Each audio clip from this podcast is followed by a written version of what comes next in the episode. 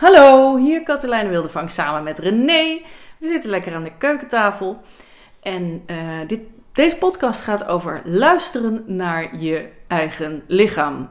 En als ik dat zo zeg, moet ik alweer keihard lachen. Want dit is wat ik bij de yoga bijvoorbeeld heel vaak hoor. Ja, luister goed naar je eigen lichaam. Dan denk ik, ja, want naar wiens ander lichaam zou ik dan moeten luisteren? Dus dat accent op dat eigen daar. Uh, denk, maar goed, het gaat om het idee luisteren naar je lichaam. En uh, ik moest denken aan vanochtend. Toen ging ik uh, hardlopen. Daar ben ik net mee begonnen. Uh, een week of twee. En ik zit nu op dat ik drie keer zeven minuutjes kan lopen met pauze ertussen. En dat is eigenlijk al sneller en meer dan volgens de schemaatjes kan. En ik merk dan dat als ik dan iets bij mijn knietjes voel, dat er dan meteen een ojeetje komt. En dat ik denk, luister ik nou naar mijn lichaam als ik doorga? Luister ik nou naar mijn lichaam als ik stop? Is dit een pijnsignaal wat ik moet respecteren? Of, moet ik, of is het gewoon iets nieuws waardoor het oké is? Dus zo kwam ik op allerlei vragen rondom luisteren naar je eigen lichaam. Uh, luisteren naar je lichaam. Dat eigenlijk ga ik gewoon weglaten, want je kan niet naar andermans lichaam luisteren. Hm. Maar dat ik zo dacht van, ja maar wat is dat dan? Hoe werkt dat dan? Wanneer doe je dat? Wanneer luister je misschien te goed, waardoor je in een hokje blijft leven. Uh, nou, zoals ik dat met hardlopen eigenlijk gedaan heb in mijn leven toen ik zwanger was van de oudste. En ik was tien weken zwanger of zo. Toen zei mijn lichaam iets van. Uh, voelt wat oncomfortabel dat lopen. En ik dacht meteen: Oh, zie je wel, bekkeninstabiliteit. En ik moet er nu mee stoppen. En dus ik luisterde ook iets naar de interne demonen die prikkels van mijn lichaam meteen als gevaarlijke en OJ labelden. Dus er zit een heel verhaal aan. Het klinkt zo simpel, luister goed naar je lichaam, maar hoe dan? En er zit ook nog eens een keer heel veel in dat lichaam. Dus er zitten er zit, uh, fysieke gevoelens in van, van, van, nou ja, bijvoorbeeld inderdaad pijn in je knie of pijn in je rug of pijn in je hoofd of weet ik het wat allemaal. Of een uh, frozen shoulder of weet ik het. Maar er zitten ook nog weer gevoelens en emoties en dingen in. Dus waar ga je nou precies naar luisteren? En ik moet zelf, als jij dat verhaal voor die knieën zo vertelt, denken aan ik heb sinds 2005, dus dat is inmiddels al 15 jaar, last van rugpijn. Hmm. En ik zou kunnen zeggen van, oh ja, dat is last van chronische rugpijn. En mensen die mij van vroeger kennen, dus van ergens tussen de 2005 en 2010 bij wijze van spreken, die hebben me wel gezien dat ik heel veel last had van chronische rugpijn, therapieën heb gedaan en van alles en nog wat. En als ze me nu dan nog weer tegenkomen, dan vragen ze: Goh, hoe is het eigenlijk met je rug? Dat vind ik sowieso altijd wel weer interessant. Dan denk ik van, oké, waarom moet je eigenlijk vragen hoe het met mijn rug is? Vraag eens gewoon eens hoe het met mij is. Maar van dat terzijde, van, van alles het is goed bedoeld. Het zitten allemaal positieve intenties achter. Ja, maar van alles wie jij bent is jouw rug. Dus het heeft het meeste indruk ja, gemaakt op moment, Sowieso in die tijd was het de eerste vraag, hoe is het nu met je rug? Ja. Maar um, waar ik eigenlijk naartoe wil, is dat ik zelf denk maar dat weet ik eigenlijk ook weer niet helemaal zeker meer. Maar dat ik zelf denk dat ik nog evenveel pijn aan mijn rug heb als toen. Maar ik heb er geen last meer van. Hmm. Dat is wel interessant. Ja. Overigens, nu zoomen we in op, op pijn. En ik wil er wel even in mee. Uh, want ik, ik had het, helemaal geen pijn in mijn knie hoor. Ik, ik, voelde ze een beetje. Maar even over dat, dat pijn. Ik heb een keer van iemand die gespecialiseerd is in pijn begrepen dat um, op het moment dat, dat pijn langer dan drie weken aanblijft, dat de, je hebt um, de, de, de pijnbron, bijvoorbeeld een knie of een rug of een teen of een weet ik veel wat. En je hebt pijnwaarnemer en die zit in je hersenen. En dat als de pijnbron weg is, dat je hersenen zo getraind al zijn, als het langer dan drie weken heeft geduurd, dat zij nog pijn blijven registreren die er bij de bron eigenlijk niet eens meer is. Dat is ook alweer heel interessant. Dus dat, dat over chronische pijn. Maar het ging mij even over um, ja, dan, dan, voel je een ietsje. En, en wat is dan luisteren daarnaar? Ja, of je voelt een vermoeidheid. En is het dan de bedoeling dat ik uh, daarnaar ga luisteren en ga liggen? Of is het de bedoeling dat ik er nog even doorheen ga? Of is het de bedoeling uh, dat ik uh, nu drie keer per week moet gaan yoga, want ik ben af en toe moe? Of wat is nou eigenlijk de bedoeling dan? Ja, of ik wil s'morgens eigenlijk nog wat langer in mijn bed blijven. Is het nou de bedoeling dat ik dat dan ook doe? Of is het de bedoeling dat ik me daar overheen zet? Of dus, dus eh, nog niet eens, dat, als, als ons plan een beetje zich ontvouwt zoals we bedacht hebben, gaan we het straks ook nog hebben over ja, dat, dat als je weet wat je lichaam, wat goed is voor je lichaam, dat dan nog het stuk komt, ja, maar kan dat wel en mag dat wel, weet je, ik wil wel langer blijven liggen, maar mijn kinderen, mijn werk, mijn, of misschien zijn die dingen er niet eens, maar mijn schuldgevoel maakt dat ik er toch uitkom. Dus dat is nog een, een tweede. Maar überhaupt registreren van uh, mijn lichaam geeft een signaal en wat is hier nou de bedoeling van? Ga ik hier, uh, blijf ik liggen of ga ik slapen of ga ik uh, eten? Met eten is ook zo'n eentje van ja, mijn lichaam geeft een hongersignaal. Klopt dat? Overroel ik dat met mijn hersenen? dus wat, wat vertelt dat lichaam nou eigenlijk?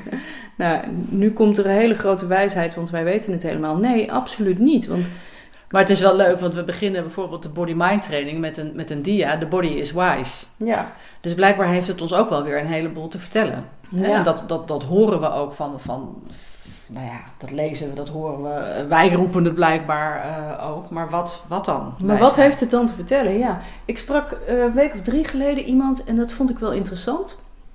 Ik kom daarop door dat, dat eten, want eten is mijn hele leven lang al een gedoe. Dat ik eigenlijk gewoon geen koers heb van wat, wat eet ik nou omdat mijn lichaam het nodig heeft, dat beslist mijn hoofd. Er zit geen uh, natuurlijkheid in of zo. En uh, diegene zei ook van ja, maar je lichaam heeft een bepaalde mate van homeostase nodig. Dus een bepaald vorm van evenwicht. Voordat je kan voelen wat de betekenis is van het afwijken van dit evenwicht. Ik neem als voorbeeld als je verschrikkelijk slecht slaapt dan is het heel lastig om de eerste tijd te ervaren van wat maakt het voor verschil als ik een slaapgewoontetje verander. Omdat er eigenlijk het enige evenwicht is dat er geen evenwicht is. En volgens mij gaat voelen van je lichaam er wel van uit van hoe meer je een bepaalde mate van evenwicht hebt, hoe makkelijker het te duiden is van oh, maar normaal heb ik eigenlijk nooit snel last gedoe van mijn knieën, dus ik zal er nu ook wel geen last van krijgen. Of oh, maar normaal heb ik juist wel snel iets van mijn knieën. Dus misschien is het handig om er even wat extra aandacht aan te besteden. en zeg je dan dus als je um, al meer last hebt van dingen, dat dat dan je normale evenwicht is geworden? En wat, ja, dat, dan ook? Ja, dat, dat geen evenwicht is ook een evenwicht. Ja, want dat is dan ja. jouw evenwicht. Dat is dan jouw norm geworden. Van, ja. Oh ja, dit is wat het is. En vaak heb je niet eens meer het idee wat nou, als er al een norm bestaat, wat dan het nieuwe normaal is. Ja, Oh, dat woord mag niet meer zeggen. Ja, ja ik, zit, ik zit even zo te denken. Want wat mijn soort van theorietje over luisteren naar je lichaam. Nou, ten eerste, in basis geeft je lichaam natuurlijk maar twee signalen, namelijk ja of nee. Ik wil iets wel of ik wil iets niet. Ik ga hiervan aan of ik ga hiervan uit. Ik ga hiervan open. Dit, de, de, de gedachte of deze prikkel doet iets in mijn autonome zenuwstelsel waardoor ik ontspan, het parasympathisch zenuwstelsel wordt getriggerd, ik ga open. Of het is iets wat mijn sympathisch zenuwstelsel triggert, ik ga wat dicht. Dus voor de mensen die de vlieger kennen, hè, heb je het nu over de oké en no volgens mij. Precies. Hè? Van, van ja. is, iets is oké en dat, nou, dat voelt lekker. Of het is piep, er is iets oh jee. En die oké en die oh zijn in zichzelf uh, waardevrij. Dus het is niet zo dat een OJ fout is. Een OJ kan een prima signaal zijn van dit wil ik niet. En de oké hoeft ook niet per se goed te zijn. Want als jij bij elke leuke vent die je ziet een oké signaal krijgt en de neiging krijgt om te gaan zoenen, is misschien niet per se heel handig. Dus de oké en de OJ zijn een uh, reactie van je lichaam op een prikkel. En die prikkel kan een externe prikkel zijn, een gebeurtenis, maar kan ook een interne prikkel zijn, een gedachte of zo. Um, dus daar is het eigenlijk nog niet eens zo lastig om En mag, ik, mag ik daar even een zijstraatje voor in? En die oké okay, oh jee van ons, van ons lichaam.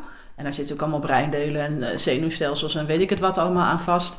Um, wij, wij zijn ook overlevingsmachines. Dus als het ware zijn wij gebouwd in ons lichaam en in ons brein om überhaupt te kunnen overleven. Dus mhm. het OJ-stukje dat er even iets OJ is, is een, is een belangrijk signaal van jongens, we moeten even, uh, de legertroepen moeten aangerukt worden. Ja.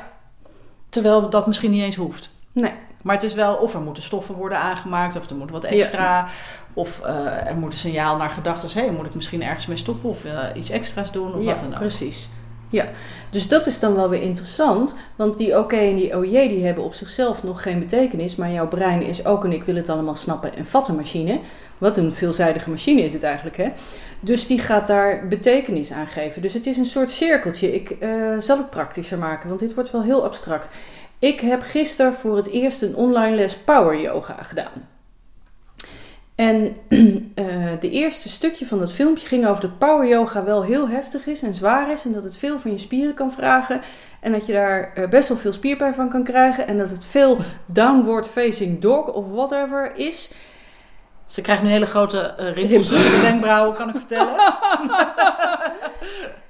en die hele intro is een externe prikkel. Die externe prikkel, die doet iets. De een die denkt, oh, dat wordt een uitdaging, daar heb ik zin in. En mijn lijf en uh, interpretatiesysteem zit meer in de categorie: oh, kan ik dat dan wel? En dat wordt vast heel zwaar.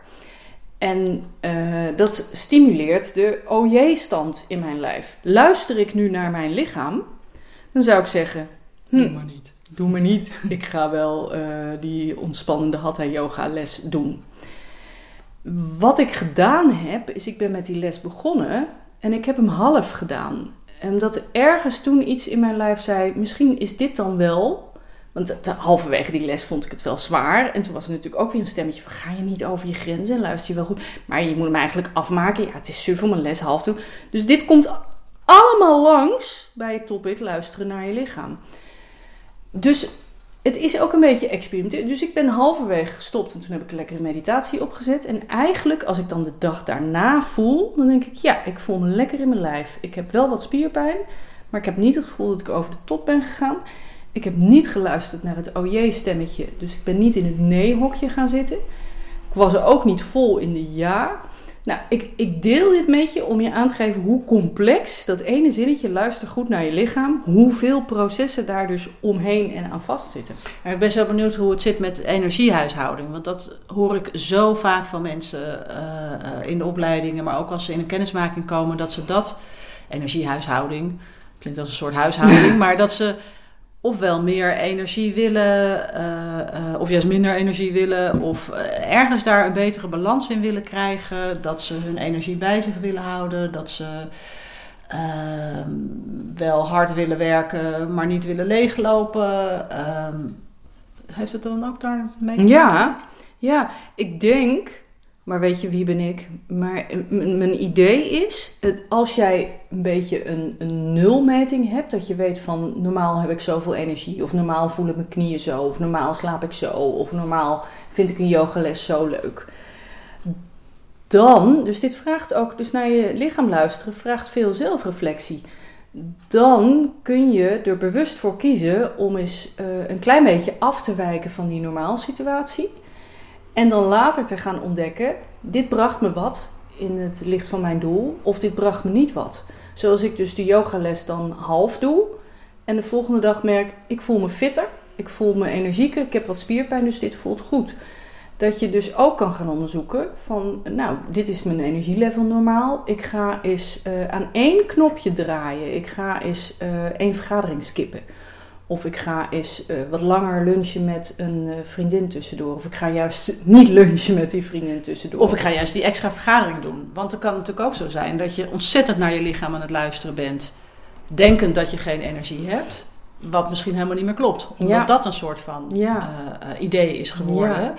En elk idee ga je ook waarmaken. absoluut zo voelen en waarmaken. Dus dat is, dat is zo het interessante over, over dat denken en het, en het lichaam alles wat jij denkt, denkt je lichaam van: oh, dat moet ik uh, waarmaken. En alles wat je lichaam inmiddels aan het waarmaken bent, krijg je een bevestiging van je gedachten. Oh ja, zie wel, het klopt. Hmm. dus dat maakt het zo. Oh ja, ja, dat is een beetje de loop waarin ik zat. Dat als ik niet zo lekker geslapen had, dan werd ik wakker met: uh, nu ben ik moe en wordt het geen leuke dag. En mijn lichaam deed er ook alles aan om dat helemaal waar te maken. En dan keek Richard me aan van: het is maar slaaplijn. Daar kon ik heel nijdig van worden trouwens. Ja. En het is altijd heel erg oppassen met dit soort dingen. Want dan zou je denken van... oh ja, dan moet je gewoon alleen maar happy de peppy gedachten hebben. En tegen jezelf zeggen, even in mijn rugpijn verhaal... ik heb geen rugpijn meer, ik ben helemaal uh, genezen en klaar. En dan zou het allemaal goed komen. Oh, en dat ja. is natuurlijk ook niet helemaal waar. Maar het was wel een beetje waar. Dat was wel, ja. En dat is een En valkuil. eigenlijk een beetje veel. Alleen het was niet van de een op de andere dag gebeurd. Nee. Oh ja. Want nu we het zo over rugpijn hebben, voel ik hem ook meteen. Hè? oh ja. Van, oh ja, hij is er. Je zou kunnen zeggen, het pijngevoel of zo, of daar iets, dat er Ja. iets is. Zo goed als altijd. Ja. En soms iets meer en soms iets minder. En er zijn denk ik één keer in de twee, drie maanden een dag dat ik er last van heb. Oh ja.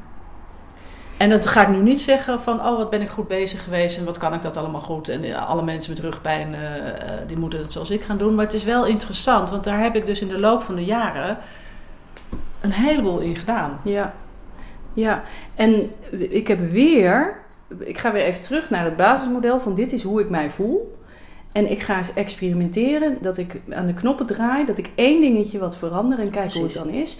Dus voor een nee, ik maak het even heel persoonlijk, voor nee heeft het gewerkt om op een andere manier naar pijn en rugbeleving te kijken. Daarmee is dat niet waar voor iedereen. Waarom ik dat zo nadrukkelijk zeg is om mezelf ook een beetje in bescherming te nemen. Want ik heb jarenlang gedacht dat ik Crohn, de ziekte van Crohn, dat ik dat tussen mijn oren deed. Dat ik iets niet goed doe in mijn gedachten, in mijn mind en dat ik me daaruit kan knutselen. En daarmee heb ik mezelf weer. Ik, ik gaf als voorbeeld, ehm, dat is wel leuk. René die doet natuurlijk ontzettend veel met eh, NARM. Dat is een, een methodiek om te kijken wat er in de eerste jaren van je leven aan patronen is ontstaan, waardoor je doet wat je doet. En ehm, nou, ik kan met goed fatsoen zeggen dat de eerste jaren van mijn leven zo- zo zijn geweest dat mijn lijf heel makkelijk oh jee denkt en ehm, in, in een soort stress zit. Dus vind ik dat ik me daar weer uit moet narmen. Dat ik weer een therapietje en een coaching nodig heb enzovoort. Omdat ik zo snel in arousal ben. En eh, nou gebeurde er iets geks. Want ik moet voor, voor die spijsvertering van mij, om dat een beetje te, te fixen, heb ik ook wat supplementen nodig. En op een gegeven moment gebruikte ik een bepaald aminozuur en merkte ik dat ik kalmer werd. Dat ik dacht, hé, hey, maar dat is interessant. Dus ik kan ik heb aan een ander knopje gedraaid dan René bij de rug eraan gedraaid heeft. En na twee, drie dagen merkte ik dat die, die wasmachine die normaal gewoon in mijn lijf makkelijk aanstaat. Ik denk dat je wel vat wat ik bedoel. En dat was eigenlijk geen wasmachine, maar gewoon een eh, centrifuge. Dat die naar een lager toerental ging. Dus ik heb echt wel zo al pratend idee van luisteren naar je lichaam is niks anders dan die nul, nul toestand eh, als uitgangspunt. En kijken van wat zijn de variaties en wat zijn de effecten van de variaties als ik die aanbreng. Ja. Want ik vind het wel mooi om te zeggen dat ik mijzelf en mijn lichaam heel serieus neem. Dus ook die rugpijn. Ja, Dus ik ontken hem niet. nee. Dat is even wat ik nog even erbij wou zeggen. Ja. Alleen ik weet he- heel erg goed wat ik ermee kan doen. En het gaat niet meer met me aan de haal zoals het ooit ging. Ja.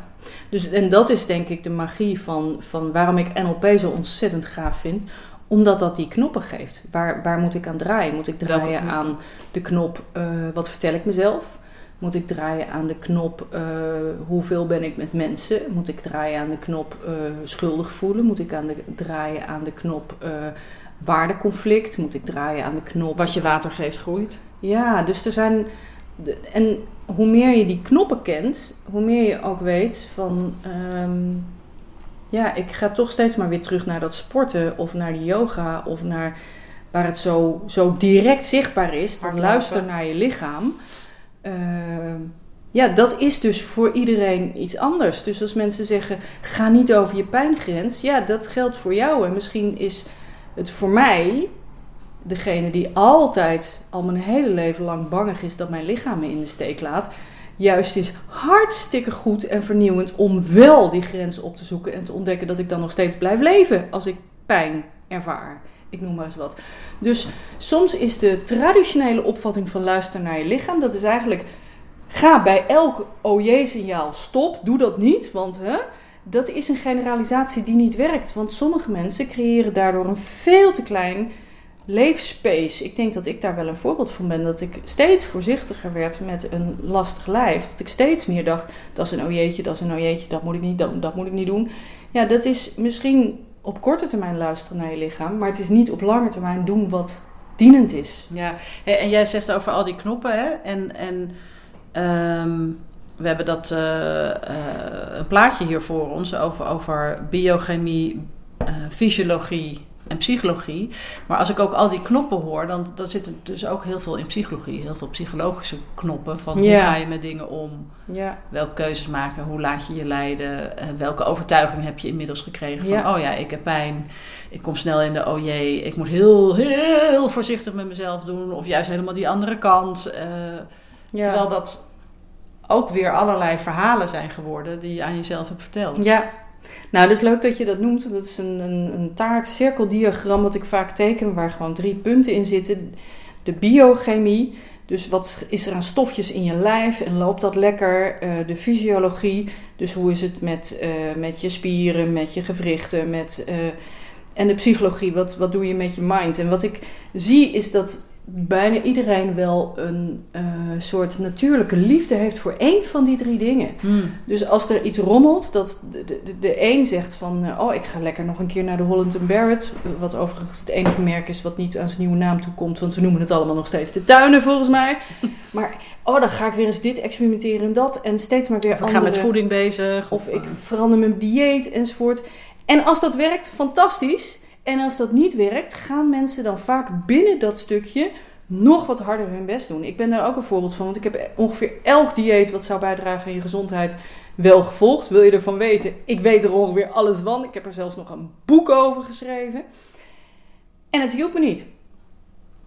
En er zijn ook mensen die het heel erg in de fysiologie gaan zoeken. En als het dan nog niet lekkerder gaat, ga je gewoon nog wat harder trainen. Of ga je nog wat vaker naar de fysiotherapeut, de chiropractor of eh, Of je vraagt een personal trainer.